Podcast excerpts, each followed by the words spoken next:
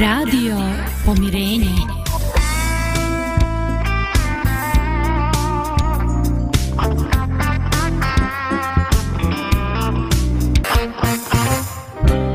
Ako Bog dozvoljava različitost, ko smo mi da nam smeta? Emisija Ljepota različitosti. različitosti. Pozdrav za sve slušaoce Radio Pomirenja. Drago mi što smo ponovo zajedno u novoj sedmici. Baremenska prognoza nam baš nije obećavajuća. Navodno ovako će da nam traži zahtjeva kišobrane do iduće sedmice tamo do srijede. No vidjet ćemo. Nekad biva kao što kažu ovi što pro, proriču prognozu, ali nekad baš i ne bude. Eto, mi se nadamo da ćemo s vremena na vrijeme uh, ukrasti neki lijep trenutak i lijep dan u kojem ćemo moći biti zajedno. Evo, ja danas uh, pozdravljam uh, Lidiju i Draganu koje su ovde uh, sa nama i uh, nadam se da ćemo danas ostvariti jedan uh, ugodan dan koji će u isto vrijeme biti i stimulativan u kome ćemo razmišljati o stvarima, o životu, o pojavama i tako. Eto. Pozdrav i za tebe Zdravko, nego sam se setila sad da govoriš o vremenu, znaš kako kaže, kažu, pa daj bar u nečemu da budemo kao englezi, pa eto bar nek nam je vrijeme kao u engleskoj, znači red kiša, red sunce, red uh, hladnoće, red toplote i tako. U vrijeme ljeta. Da, do, proleće je do duše još, ali... Pa, pa, pred vratima je ali pred vratima je, ali očekivali bismo toplije vrijeme, iskreno, ali eto, hajde vidjet ćemo ovaj, kako će biti Ka, u nastavku. Biti. Da, očito je, očito je da ne znam. Ovaj, evo sada moram da proširim uh, svoju uh, listu onih koji uh, predstavljamo. Ovaj, pozdravljam, tu nam je, koliko vidim, i Božidar zauzeo svoju, svoju poziciju. Dobro jutro, dobro jutro, izvinjavam se što kasnim, ali evo, da, uskočio sam. Malo da ga repozicioniramo s kamerom. Evo, danas nam rade čak sve četiri kamere, eto i to je jedan napredak. Čitava ekipa tu. Čitava ekipa i sve četiri kamere radi. Da. Nevjerovatno, kod ovih sokoćala, čisto se čovjek iznenadi kad je sve funkcioniše potpuno ispravno. Evo, eh, htio bih ovaj, e, da s vama danas na početku podijelim jednu izjavu, nešto što smo vjerovatno puno puta ovaj u djetinstvu čuli i ovaj ja znam kako sam ja reaguo i kakve se meni misli e, javljale kad sam to čuo. Ovaj, I vi ste vjerojatno doživjeli da vam neko kaže kad imamo neke onako uh, trenutke kad nam je sve onako full, kad smo razdragani, kad smo nasmijani, kad smo u nekom top raspoloženju, onda neko od stari, onako sa ozbiljnim izrazom lica okrene i kaže e, nemoj se toliko smijati, kaže, plakaćeš. I ja znam, evo, za sebe, a zanima me da li je to tako bilo i kod vas, ja sam uvijek imao jednu reakciju koja je bila odbojna daj, molim te, marme ti gluposti. Čak, kakve veze ima, što bi sada moj smijeh, pogotovo ako je nesputan, ako danas imam super dan, ako mi danas sve ide glat, što bi ja sad morao da se suzdržavam, jer ispadao je kao da privlačiš neko zlo. Ako se smiješ i raduješ preko neke granice, eto, buraz očekuj da će nešto da se iskomplikuje i da ćeš ne samo da će se pokvariti raspoloženje, nego da ćeš i plakati. A to je priznaćete baš ono ovaj toplo vruće i nešto što čovjeku definitivno ne prija nikad su ovaj e, Celsius u pitanju, a još manje kad je u pitanju raspoloženje. E, ja ne znam da li sam ja usamljen, da li sam ja bio mladi pobunjenik, e, kako ste vi, da li ste na kraju, pretpostavljam da ste nekad to čuli, kako ste reagovali, kako ste vi to primili? Pa znaš onu poslovicu kaže, mislim nije poslovica, to je više iz pesme, čaša žuči ište ča, čaša žuči ište čašu meda. I onda ide red ovoga, red onoga i to valjda ljudi kasnije u nekim godinima, ja sam to tako nekako doživljavala ovaj, iz iskustva saznaju šta to znači. Znaš ono kad se čovjek previše raduje, onda pomisliš, znaš, ma nemoj se toliko radovati jer život nije baš tako, nije idealističan roman. Ovaj, ima ima tu svega, ima različitih iskustava, pa eto da ne dođe do nekog razočarenja, kasnije pa će ti biti mnogo teško. Nemoj ti toliko da se raduješ. Ali mislim da je to u osnovi pogrešno. Ta neka radost kada je iskrena iz srca, zašto bismo je sad sputavali? Mislim, apsolutno se slažem sa tobom i, i sa tvojim nekim osjećanjima, samo kažem, malo sagledavam i ovu drugu stranu priče, ta, tu neku opreznost, pa čak i u radosti. Ali ne znam zašto bi, kad smo srećni, pa hajde se radujemo svi. E, sviđa mi se ta definicija, ta neka opreznost. Ono, baš mi se, baš mi se to sviđa. Ja znam da sam imao ovaj, na tu i na neke druge izraze u prošlosti, da sam baš imao reakcije odbojne. O, I sjećam se još neki stvari. Na primjer, meni je godinama trebalo da shvatim šta znači ovaj izuzetak opravdava pravilo. Meni to bilo mhm. toliko bez veze, toliko bez mozga. I kasnije sam shvatio da je to meni bilo problem samo rad toga što sam ja tu tražio neku stražu duboku mudrost, da je to u suštini jako jednostavno, a da sam ja tu u svojoj glavi skomplikovao. Ali nećemo ići na ovo drugo. Dakle, nemoj se toliko smijeti, plakaćeš, ostajemo pri tome. Božo, kako si ti, ovaj, kako, kako si ti reagovao na ovakve stvari, ako si i čuo? Ne znam, meni nije to niko govorio kad sam bio dijete, mislim to je čisto sujevjerje. Ne možeš ptici reći, nemoj da crkućeš jutros. ovaj, s jedne strane, ne znam, mislim da to baš neko teško sujevjerje. Ovaj, a s druge strane, postoje ljudi koji smatraju, ja sam imao iskustvo, znači jednom smo mi došli, ja sam bio pastor jedne crkve i došli sam da posjetim, u stvari imali smo jednu kao molitvenu grupu u, u Bosanskom brodu. I sad poslije toga ta gospođa jedna ovaj daje nam ručak da jedemo. I ona stavlja pred mene grašak, a ja ne volim grašak da jedem. Ja kažem, jo, ja ne volim grašak da jedem. Kaže ona, ma dobro, niš se ne sekirajam ja drugo nešto. I ona donosi mahune. A ja mahune još više mrzim nego grašak. I moja žena je počela toliko da se smije, nekontrolisano da se smije. Smije se ona. I ova njoj kaže, sestro, ne valja se toliko smijeti. Ja. Znači, neki religiozni život ne treba da bude da se puno smiješ ni da puno plačeš. Nekako umrti sebe, da nemaš velikih emocija u da životu. Između. između ne. da si neki zombi. pa nešto, da. Vi, da ima, ima vi, toga, da, upravo si Bože, je. Vegetiraj.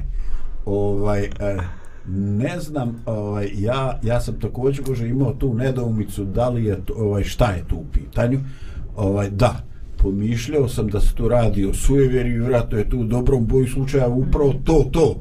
Ali ovaj, eh, kasnije, kasnije više nisam bio više tako ni siguran, čilo mi se da tu ima još nekih, još nekih eh, komponenti. Ali evo, čini mi se da bi ovo bilo, ovaj, eh, bilo dovoljno za početak. Ovaj, evo, ovaj, eh, neki meni bliski eh, slušalci emisije kažu čoveče, previše ti treba do prve pjesme, u startu se previše priče. Ajde, kraći uvod i odmah pjesma. Eto, ja ću sad da slušam, a vi pogađajte gdje mi je to rečeno, uglavnom dole da vam kažem da trebam ja danas i kuću otići. Eto, a, nastavljamo našu emisiju, a sada još jedna muzička pauza.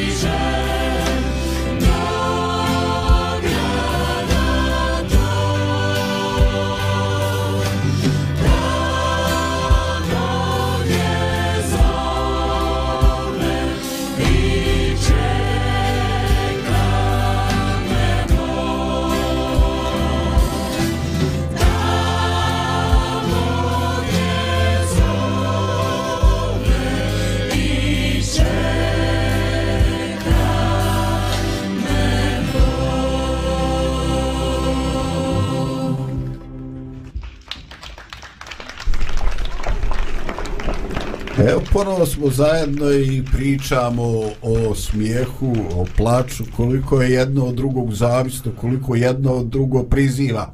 I krenuli smo sa onom izjavom oko kojeg smo se sporili odmah na početku, nemoj se čovječe toliko smijati, plakaćeš. Šta je se to radi? Dakle, imamo dvije ponude da se ovaj eh, da se radi o nekim eh, predrasum, da ba u nekim tako pogrešnim vjerovanjima.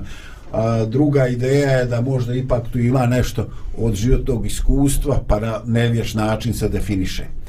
No, o, nastavit ćemo sa nečim što je mnogo ozbiljnije od nekih tamo izjava naših tetki. A, u Gorskom vijencu a, vladika Rade će reći čašu meda još niko ne popi, da je čašom žuči ne zagorči. Čaša žuči ište čašu meda. Pomiješano najlakše se pije. I vjerujte, kad sam ja ovo čitao, opazio sam da mi e, pažnja ide odmah na drugi dio rečenice. Prvi dio rečenice sam previdio, a on kaže e, nema čiste radosti. E, on tvrdi da niko ne ispija tu čašu meda, a ona postoji u životu, da ne postoji nešto, makar u tragovima neke žuči koje nam kvari e, taj neki potpuni rajski osjećaj.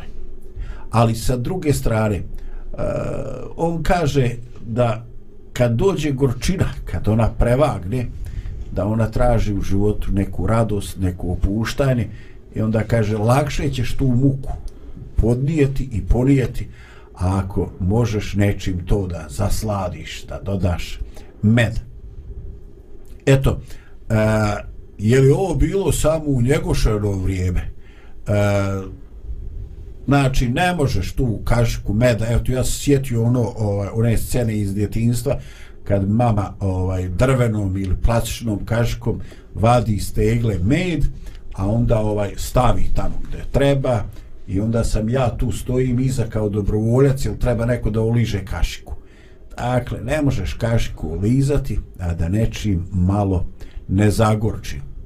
Otkud misa da su pomiješani med i žuč predstavljaju pitku podnošlju kombinaciju? Zašto je to? Zašto je, uh, Vlašto je Njegoš vjerovao da je to tako? Je li on vjerovao da je to pozitivno ili je jednostavno vjerovao da drugačije ne biva, da je to jednostavno tako u životu? Evo Lidija, ovo je, ovo ti sveć, ti sveć ovaj načela ovaj ovaj citat, da. Evo, sad te čekam. Ovaj. Ajmo sad da vidimo. Ja. Ajde vidimo sad dok ćeš. Da, da, da. da. Ove, ovaj, pa jeste, um, ja smatram da, da je on da je on to napisao samo iz nekog iskustva životnog gde u životu tako tako biva. Možda kad e, tek s godinama shvatimo da da ne u, u životu u svetu onakvom kakav je ovde sada koji postoji u kome živimo e, teško je da možemo e, istinski da se u celosti radujemo. Zašto? Zato što Svaka životna radost, sve ono što doživimo kao pozitivno, naravno da ispunjava naše srca i naravno da to delimo se sa ljudima koji su oko nas i to je, to je sjajno i tako i treba da bude, ali uvek uvek postoji nešto iza toga što isto tako nam ne dozvoljava da se u potpunosti radujemo jer postoje neke stvari koje nas muče, sa kojima se borimo, koje nam nisu baš tako drage. I onda nekako to... Um, možda uništava tu radost. Ne mislim da je to nešto što je on, on napisao u smislu da tako treba da bude i da je tako najbolje, već jednostavno je on to prihvatio kao realnu činjenicu uh, života u kom i sveta u kome živimo. Da. E, tako. Tako, da. tako ja bar to doživljavam. Da. Da, a dobro, imate li sada ovaj, idemo sad sa druge strane. Dakle, u životu ima, ima gorčine i ona je česta u našem ljudskim životu, da li se radi o nekom banalnom ovaj eh, nezadovoljstvu kad ovaj čekamo u redu i onda deset njih je ispred i onda kad mi dođemo na red onda kaže pogleda vas i kaže nema više. Ili kaže evo sad je pauza i stavi vam ovaj onaj e, trouglasti papir na šalter. I kaže mi sad i mi moramo da jedemo i da živimo ono. I onda ti gledaš i misliš e, šta ćeš. Sjećam se onoga Božinog, kaže, kad imaju dva reda, uvijek imaš osjećaj da onaj red u koji si ti izabrao, da, da on, ide, da on ide sporije. Ovaj, a, e, u kojoj mjeri a, e, mi uspijevamo da te neke, ajde da kajem sa druge strane, gorke trenutke učinimo podošljivim u životu tako što ćemo ih garnirati, zasladiti pozitivnim aspektom koliko smo mi uopšte e, sposobni da te pozitivne stvari vidimo u trenutku kad se dominantno dešavaju negativne stvari. Hm. A, a ja volim Dragan da čujem šta ona misli, ali mogu ja, ja ti razmisliš malo Dragana. Ovaj, um, prvo, hoću da kažem, to što je Njegoš govorio, život je kao tračnica, imaš uvijek jednu i drugu. Imaš uvijek nešto dobro i nešto loše što se dešava u životu. Takav je život na ovoj zemlji koja je opterećena grijehom. Mm -hmm. uh, nikad nije samo jedno. Uvijek imaš jedno i drugo.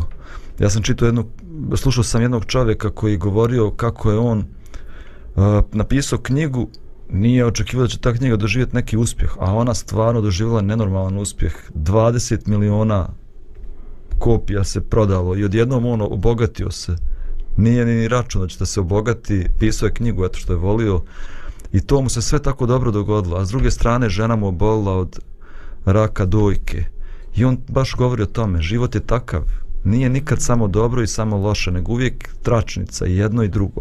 Ali ovo što ti govoriš, Zdravko, postaje se pitanje to loše što si ti sad navodio, da li je to stvarno nešto loše u životu? Da li je loše? Evo ja sam sad imao iskustvo, kasnim na emisiju, dolazim minut, tačno, čeka me brza pošta ovdje ispred i čovjek nema kusur da mi vrati. I u meni odmah počne neki adrenalin da, hej, kasnim na emisiju, uh, nervoza. I onda kažem sebi, čekaj čovječe, pa neće svijet propasti. Pa neće emisija propasti da ne dođeš ti na emisiju. Pa neće ništa biti ako zakasniš 5 minuta da li je to stvarno bilo nešto loše što se meni dešavalo u životu ili je to moje shvatanje života, moja užurbanost, pa onda doživljavam sve to tako loše. Čekam u redu i sad je to katastrofa što ću provesti minut duže tamo i postanem nervozan i možda se iznerviram i na tu ženu tamo koja, koja sporo radi. To nisu loše stvari u životu, nego je to naš loš karakter koji reaguje na normalne stvari u životu na takav način čoveče. Ovaj, da, ja sam upravo htio ovako da da pokušam, makar da vas navedem, ovaj, na taj neki absurd naše percepcije stvarnosti. Dakle, dešava nam se dominantno dobro, ali mi jednostavno to dobro ne uživamo u njemu. Pazite, rekao sam dominantno dobre su okolnosti ali mi nećemo da prihvatimo koliko je situacija dobra, jer eto, imaju neki segmenti, ima nešto što curi sreću kvali. Dakle, mi jednostavno nismo sretni sa nečim što je u suštini dobro, jer eto, postoje elementi. A sa druge strane, kad je dominantno loš, da li smo, uh, da li smo opet spremni da uh, relativizujemo i to loše, s tim što ćemo vidjeti, pa eto, u čitavom tome zlu imaju neki dobri aspekti. Ima nešto što je lijepo. E, nekako bi se čini da smo mi e, skloniji ovaj, da damo više na značaj onoga što nam se loše dešava. I da ovaj jednostavno teško nam je da, da procijenimo zaista m, pravo stani stvari. E, nekako ovaj e, intenzivnije doživljavamo ono što nam je loše i čini se da je da je ovaj da je tako. Kao što kažu a, loši agresivni ljudi oni mogu biti u manjini ali dovoljno ti je dvojica trojica u autobus punom putnika da ti stvore nervozu. A čovjek jednostavno ne registruje onih 30 normalni, zdravi, uravnoteženih ljudi koji su mu potencijalno mogu biti izvor mira u toj incidentnoj situaciji. Tako i mi stalno smo skloni smo da jednostavno vidimo to što je ružno. Dakle, da percipiramo onaj dio stvarnosti koji nam je a, teži, problematični. Jednostavno, ne uživamo u onome daru meda jer ima malo. A Njegoš jednostavno kaže, ne, nikada nemate da jedete samo med. Uvijek ima, ali zato budite sretni što kad je gorčina dominantna, što će tu usput biti uvijek neka kašikica meda, malo da olakša. Ako to znaš prepoznati i ako znaš u tome, ako znaš u tome uživati. E, ja ne preko ni da je to samo mala kaščica meda. To uvijek postoji jedna velika, puna kaška meda za nas.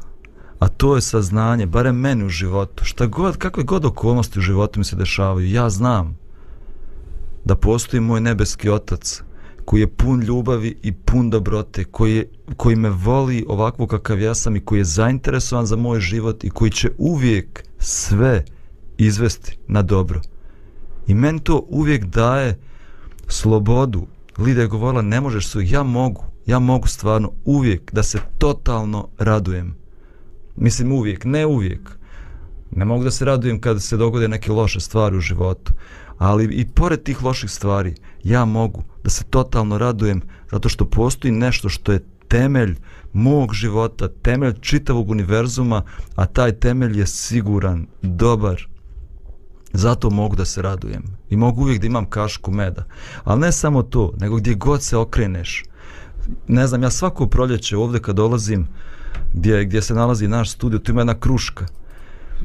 I ona svako proljeće tako lijepo procvjeta. Ja se divim toj kruški. Ja kad dođem, a to je meni puna kaška meda, ja bi je zagrlio, ja bi stao i ja stanem stvarno i gledam pet minuta i divim se tome kao neka frizura, kao da je bila kod, u frizerskom salonu i dobila neku frizuru, kao žena s nekom frizurom. Ovaj, tako izgleda. A to nas okružuje, gdje god da se okreneš, možeš da vidiš takve, takve stvari, kašku punu meda svugdje, da da budeš pun radosti svakog dana. U mojoj emisiji, ovaj, nedavno ono što smo pričali, ovaj, Uh, Uh, spomenuli smo baš i te, um, znači kad nešto se desi loše u životu, ne znači da je smak svijeta, da će propast čitav svijet. Kad nam se nešto super desi u životu, ne znači da, da smo na vrhu, ono, zauvijek, opet, uvijek ima to up and down, znači uvijek gore, dole, i to je život. Ovaj, samo što mi to ne možemo da zapamtimo u svakoj sekundi, u nas je ono, iskušenje kad dođe mi zaboravljamo sve mi ono gotovo znači nema ovaj nego um, znam znam osobe koje ne jednu znam recimo evo jedan primjer znam je godinama i, i, i nikako nikako da promijeni to u sebi bez obzira šta joj ja i govorim i otvorenije i, i onako nagoje što je dajem da, da je ohrabrim ali ona uvijek nekako gleda to um, negativno u životu, pogotovo o, o svom životu.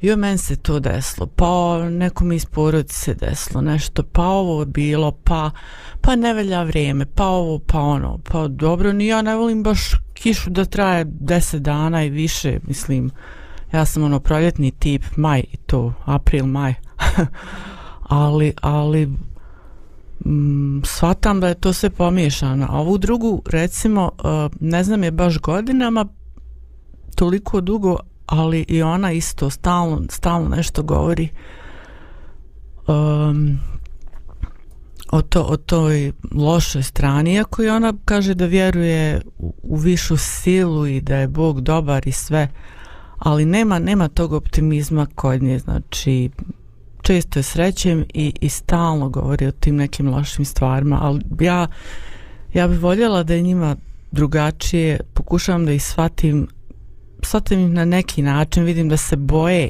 uh, nekako da, da, da, da povjeruju, da, da prihvate onu lijepu stranu. Ja, dosta baš dobro rekla. Znači, to je samo pitanje pogleda. Da li si optimista ili pesimista u životu? Ti možeš uvijek da vidiš sve crno. Ti možeš ljude da gledaš crno, vidiš njihove mane. Ne znam, zr... Evo, nas četvor odu u studiju. Ja mogu sada da gledam Zdravka, Draganu, Lidiju, da mislim na neke negativne strane vaše karaktere, da vas gleda, obojim vas kroz crno, kroz sve to, a mogu da gledam pozitivne strane vaše karaktere i da kažem, wow, pa meni je čast što mogu da se družim sa vama, vi imate tako dobre osobine u životu. Ja, ovaj dio ćemo zapamtiti. Ali to je nekako naš, mi, mi, mi te, te, imamo tendenciju da sve gledamo crno ja, moja žena isto, ja sam pričao to, znači ona ima tako neke zdravstvene probleme. Ona uvijek uzme onaj nalaz i ona gleda na internetu sve moguće i onda uvijek najcrnje moguće se dogoditi. Pa kažem, Nataša, ne, neće se dogoditi najcrnje, dogodit se najbolje od svega toga što može se dogodi. Ona je bila, zakačila koronu, embolija pluća u bolnici. Znači, stvarno je to bilo opasno, opasno po život. Da li će preživjeti? Ja nisam imao nikakav strah uopšte.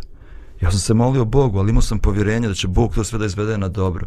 Ja nekako u životu sam stvarno optimista. Ja uvijek gledam sve najbolje moguće što se dogoditi. A moja supruga ne, ona gleda uvijek najgore. Dobro, to je pogled. Da. Okolnosti su iste, samo naš pogled je drugačiji. Aj sad konkretno pitanje za sve vas i za slušalca zamislite.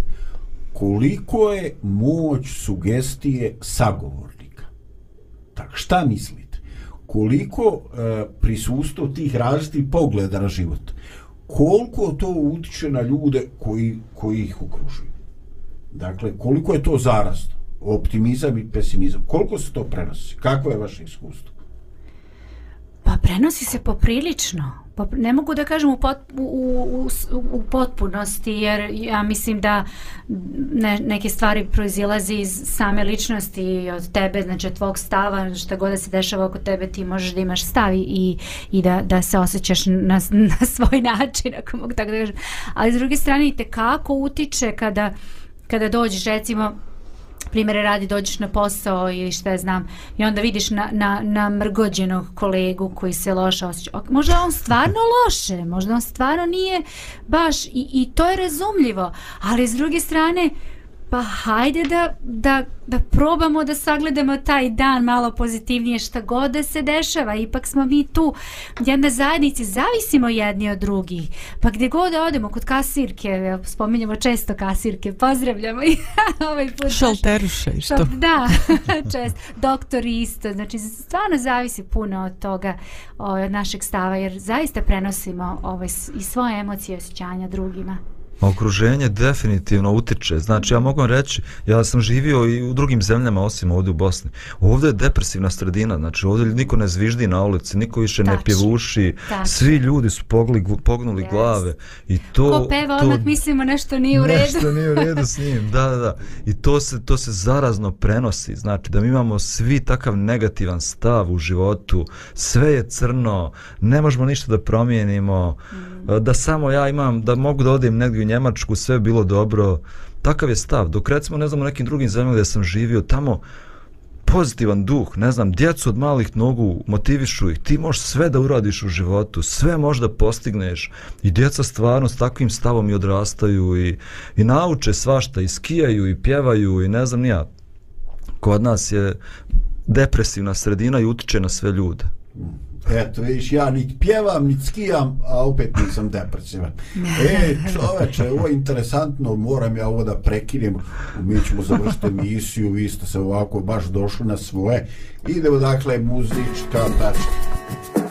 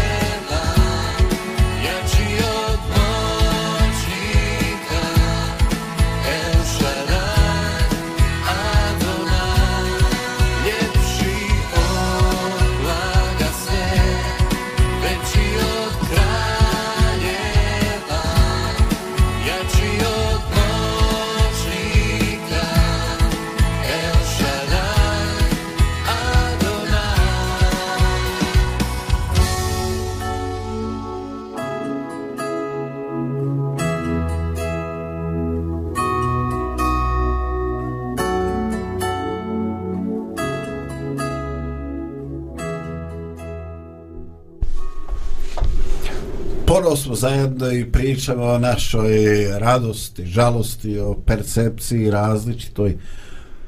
Da, mnogi stvari same po sebi nisu ni ovakve ni onakve, uvijek su one miks začinjene, a kako ćemo mi doživjeti stvarnost, definitivno najviše zavisi od tome. E, vjerujem da je veliki broj vas čuo o priču o starome kinezu. Kaže, čitav život je radio, a osim od pored sveg truda imao je samo žuljeve na rukama i imao je hrane tek toliko dovoljno da se može zaspati da se ne bude gladno. I onda jednog dana on se razbolio znalo je se da će da ode i pozvao je sina i rekao sine moj život je prošao u radu i muci ali ja nemam ništa da ti ostavim osim ovoga. I onda mu je ostavio dvije kutije jednu crnu, jednu bijelu, malu i rekao je kad ti u životu bude jako teško otvori ovu crnu kutiju. A kad budeš jako radostan i kad budeš u situaciji u kojoj si sklon da triumfuješ otvori ovu bijelu. I sin je to uzeo otac je preminuo posle su došla neka poplava, glad i sin je krenuo tražeći nadnice, tražeći načina da i on preživi.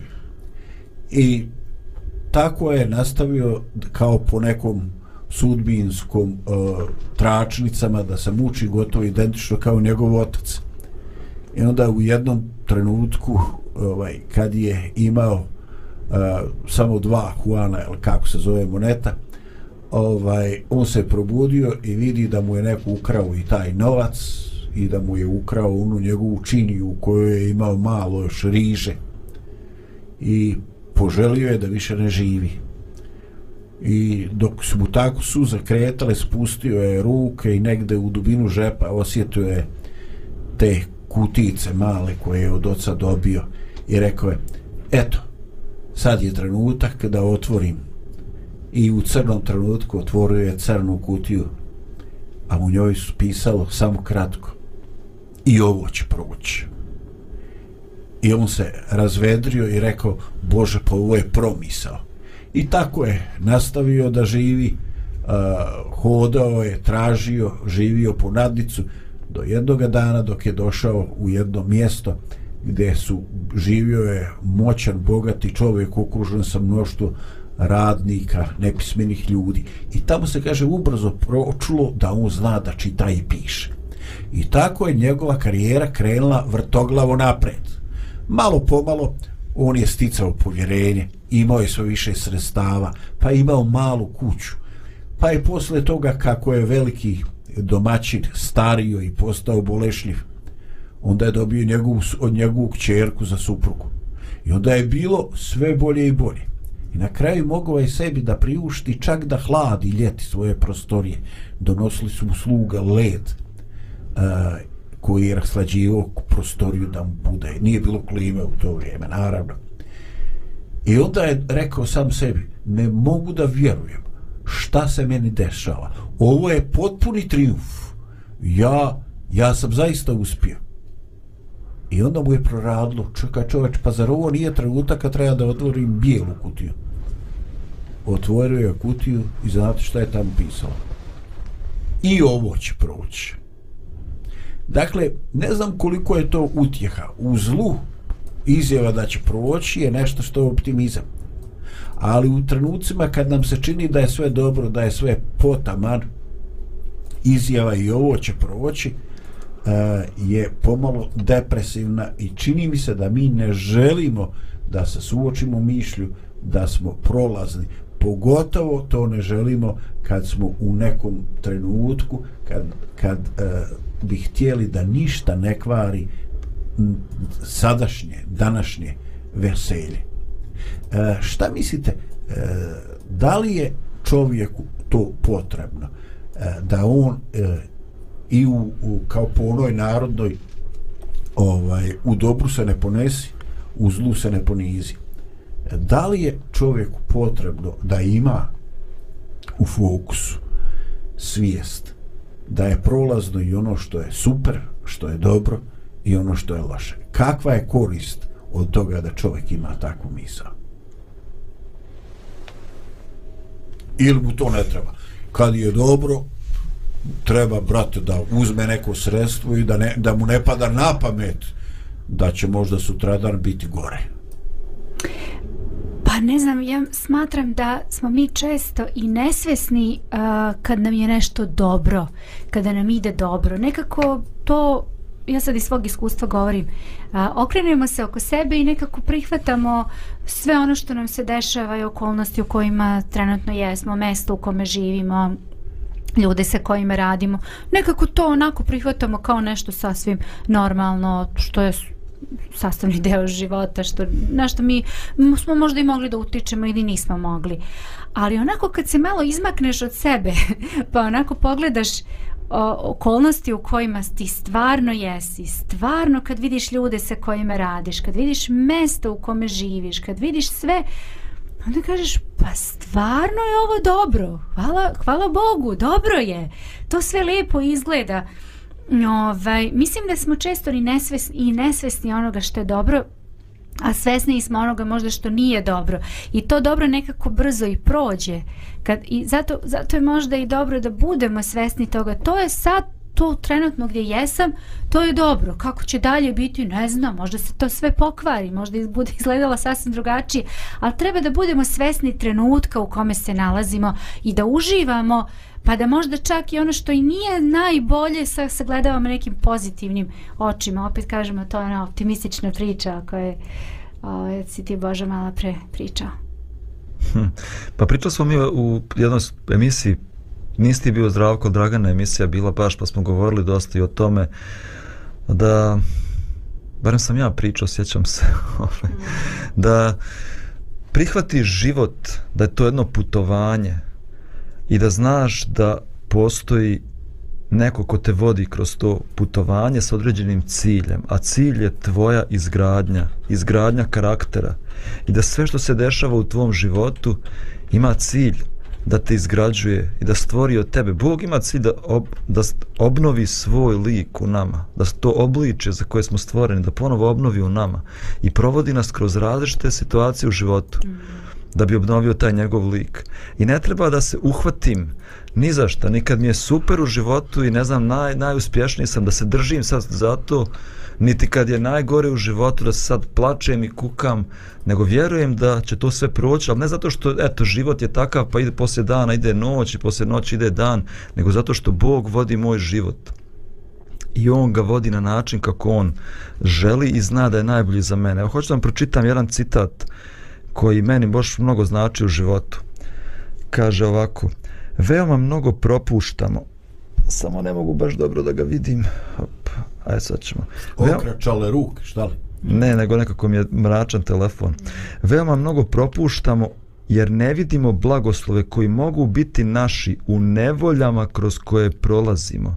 Sva naša stradanja i teškoće, sva iskušenja i probe, sve naše tuge i boli, sva naša progonstva i lišavanja života i ukratko sve stvari rade zajedno za naše dobro. Sva iskustva i okolnosti su Božji radnici kojima se dobro donosi nama pogledajmo sunce iza oblaka.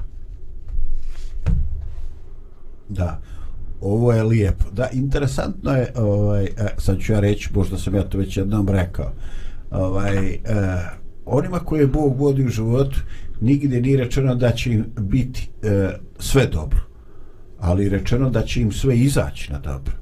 Dakle, ovo što si ti rekao, eh, upravo i te E, stvari koje subjektivno ne doživljavamo kao pozitivni događaj e, mogu imati e, u nekom konačnom zbiru mogu imati pozitivne efekte. Da, ali taj konačni cilj nije da ću da se obogatim, nije da ću da budem na vrhu piramide, nije da ću da budem uspješan, nego taj konačni cilj da ću ja da narastem, da, da živim životom ljubavi to je taj to dobro konačno koje Bog želi je jeste to da onda bez obzira na sve okolnosti mog života ja vidim život očima ljubavi Hvala ti. Da, i čak ono nužno loše što je, mož, ne mora značiti da je to loše samo po sebi, već je to možda neki put kroz koji moramo da prođemo da bi naš karakter se izgradio, da bismo mi bili bolji ljudi.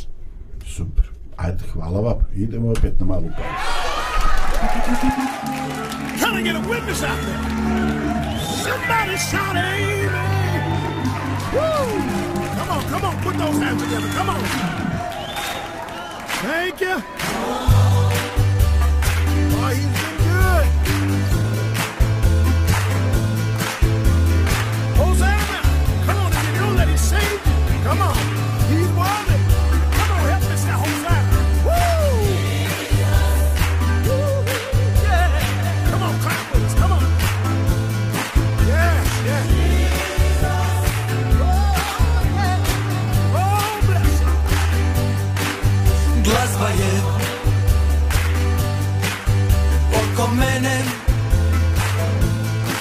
Večernji je vjetar, vedru, ragu na krilima nosi.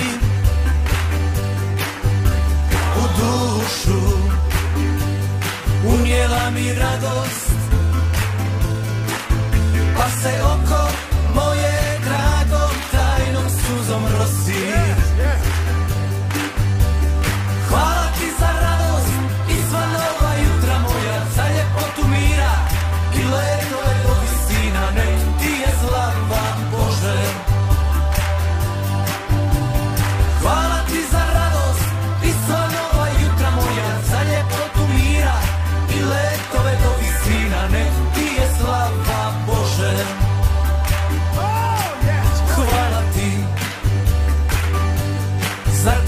trenutak sreće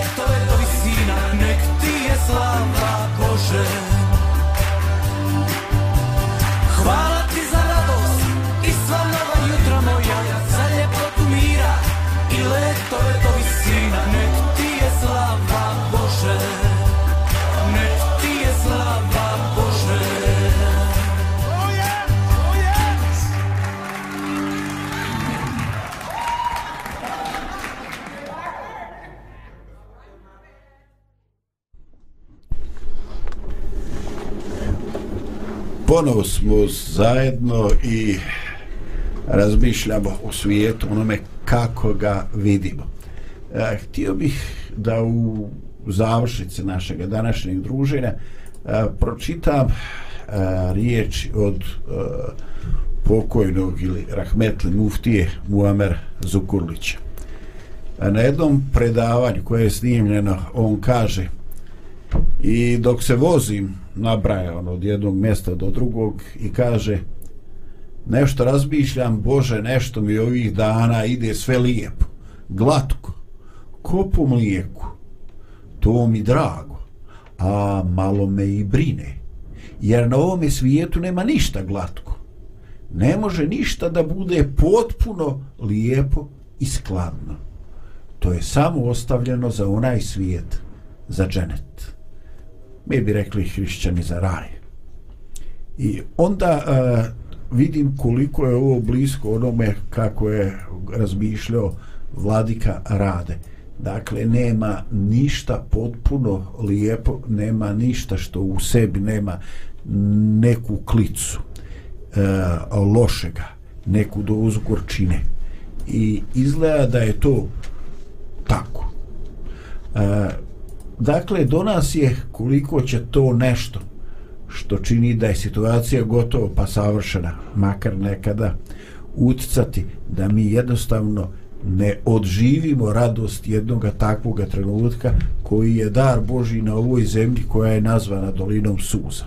Dakle, iako je na njoj se umire, iako ima plača i vike, iako je muka i sam dolazak na svijet i rađanje, da ne govorimo o tome da svako od nas treba i umrijeti, ipak između te dvije tačke postoje takve veličanstvene radosti.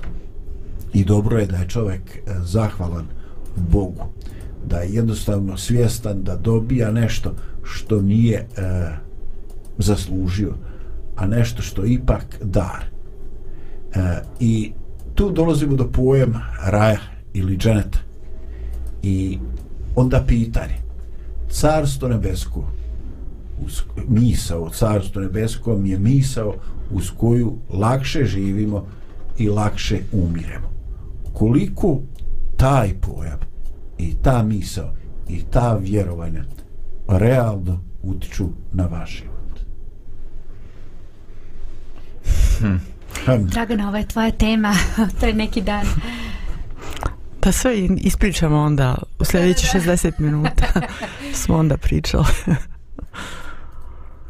ja kad znam da, da je budućnost dobra, onda mi je i sadašnjost dobra. Mm. Ne dobra, nego ekstra, mislim. Zato izgledam nekad možda čudno drugima, ovaj, onako čudno po navodnim znacima, iskačem iz okoline zato što, eto, jednostavno, ono, može se neko zapitat je li ova okej, okay? zato što imam takve stavove i gotovo. Nisu samo stavovi, nego jednostavno nije to ni onaj naivni optimizam, nego jednostavno nešto utemeljeno na, na realnosti. I ono isto, opet ponavljam, ono, znači, uh, realnosti u sadašnjosti i u budućnosti, znači, to je to nešto što se treba dobro utemeljiti, da ima čvrst temelj i onda se ta radost ne pomira. Bez obzira kako trenutno to, šta se dešava s tobom, ali u, u tvojoj srži je još uvijek ta radost i optimizam.